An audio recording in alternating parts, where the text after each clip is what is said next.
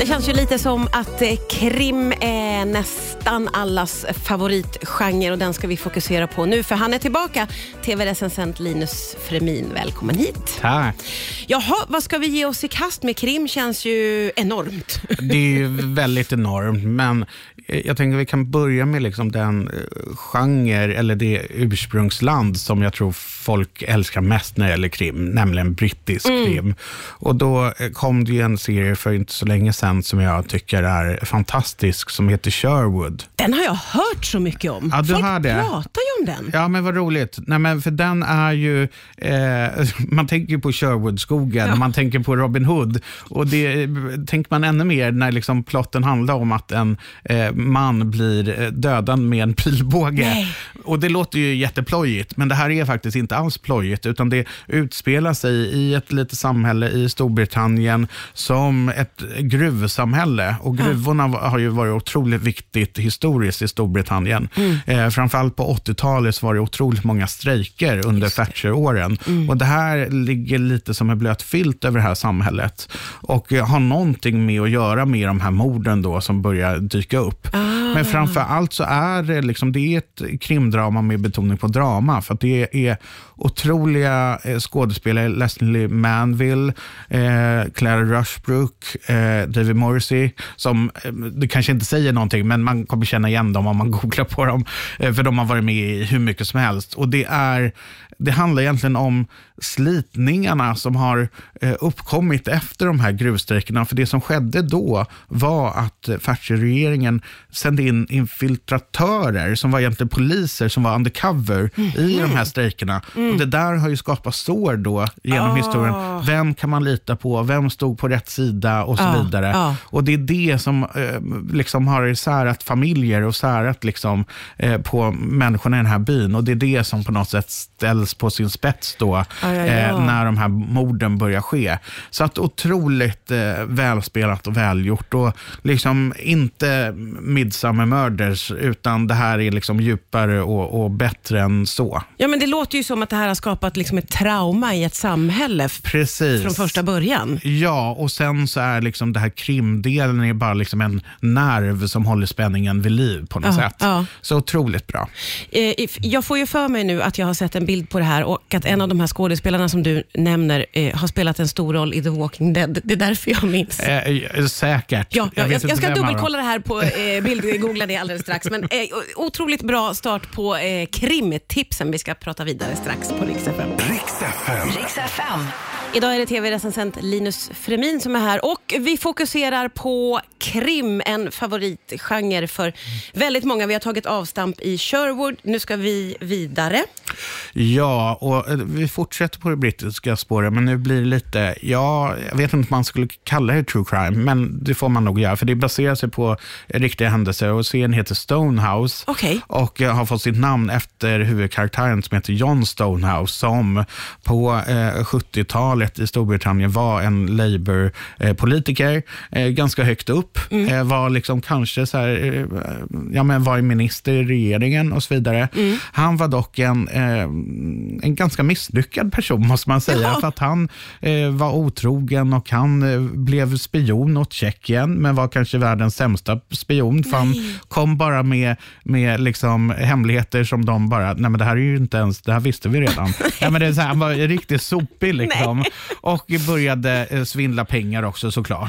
Eh, och det där började ju liksom komma ikapp honom. Så Ja. att, vad gör man då? Nej men såklart, man fejkar ju sin död. Ah, ja, ja, ja. Den Ja. klassiken. Ja, precis. För det är det enda alternativ man har. Ja. Så att det var det han gjorde. Men han misslyckades ju med det också. Nej. Så att han, eh, nu spoilar jag inte så mycket för det här är, ja, det är en ganska kort serie, tre avsnitt. Ja. Och det här är ju liksom, han, han var väldigt dålig på allting Nej, han gjorde. gud, och det här har ju alltså på riktigt hänt. Ja. Och det är så roligt också att det är Matthew McFadden som spelar huvudrollen som man känner igen från Succession. Ah. Eh, och eh, han är så, de har liksom dragit i humorgrej här, för det är ju så absurd historia. Det Ja. går liksom att inte göra det. Så att den är otroligt underhållande. Eh, så att man, man liksom eh, skrattar åt den här väldigt misslyckade mannen som bara försöker ta sig ur härvor. Och på något sätt lyckas Matthew McFadden få en att faktiskt känna lite sympati för den här jävla losen. Gud, ja, det Eh, här- och det tycker jag ändå är imponerande på något sätt. Det känns ju som att allt förstärks av att det är baserat på verkliga händelser. För det här låter Ja. nästan så här, det, låter som på från början till slut. Ja, och jag har inte berättar ens lite berättat hälften. Liksom. Nej, men det är det som är grejen. Det låter som att jag spoilar allting, men det har jag inte. Nej, nej, man undrar ju bara hur, hur, hur gick det här ens till? Och det Ja. får man ju reda på i den här väldigt välgjorda serien. Och bara tre avsnitt sa du? Bara tre avsnitt. Ja, sånt där gillar man ju att kunna Älskar när det är korta serier. riva av. Verkligen. Det tycker vi ju verkligen om. Ja. Gud vad roligt, ett underbart tips. Eh, vi ska prata vidare alldeles strax här på Rix FM. Riks FM. FM. Idag får vi tips på krimserier. Det är Linus Fremin som är här och det har varit lite brittiskt tema får vi säga. Ja, och jag tänker vi fortsätter på det. Mm. Och jag tänker lyfta en, en lite äldre serie som, som har blivit tillgänglig igen på faktiskt flera olika tjänster som Okej. ni får googla upp. Ja.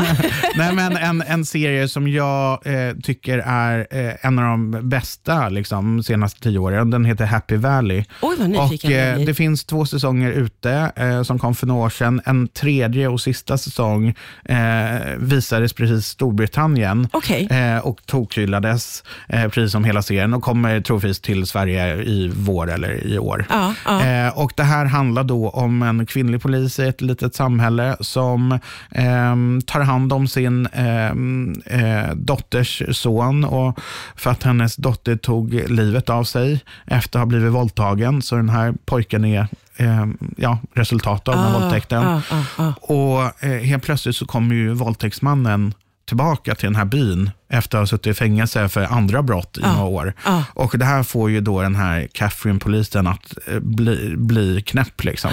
eh, och tänka, hur, vad ska jag göra nu? Och samtidigt så utreder hon en, en kidnappning, så att det är liksom två parallella historier här. Och det är så otroligt bra. Alltså Sarah Lancashire som spelar huvudrollen är eh, så otroligt eh, knäckande. Och det är så sårigt och eh, drabbande och spännande och blodigt och allt möjligt. Nej, men det här är liksom en sån här som Oj. man, man glömmer inte bort den här serien Nej, när man nej. ser den. Och varje säsong har varit strålande. Så att jag sitter på nålar och liksom får se den här tredje. Gud. Så jag tycker liksom att hela Sverige borde liksom kolla ikapp de här två säsongerna. nu, hela Sverige blir inför- sugna på det nu kan jag Ja. säga. Du har sålt in det otroligt och det är liksom väl. sex avsnitt per säsong och Ah, de, man okej. kan se dem lite fristående, men börja Ah. med första såklart. Ah, Och ah. det är nej men, så otroligt välspelat och eh, så starkt. Det där blir vi Eh, sugna på. Happy Valley. Happy Valley. Ja. Och du har ett sista tips Ja, det sista, och då eh, går vi över Atlanten då. En också gammal serie som har fått eh, premiär igen, The Shield, Mm. Som kom i början av 2000-talet. Och det var ju liksom när, så här, vad ska man säga, antihjältevågen kom Ja. i, i tv-serier. Just så att här handlar ju då om eh, korrumperade poliser som eh, är del av en speciell insatsstyrka i Los Angeles-polisen. Så det handlar om de här, eh, ja männen är det ju, som eh, ja, försöker sko sig liksom på olika eh, drogaffärer. Och, ja, men de, de är hemska. Och såklart skildrar ju pro- de goda poliserna som försöker eh, haffa dem. Och det är eh, otroligt så här, ja, men gritty, eh, bra eh, krim, liksom. Ja, polisserie som jag tror väl många eh, missade när den kom för 20 år sedan, men den håller fortfarande. Ja. Och otroligt bra skådespelare. Och det var där också eh, Glenn Close i en av de senare säsongerna gjorde sin eh, tv-debut.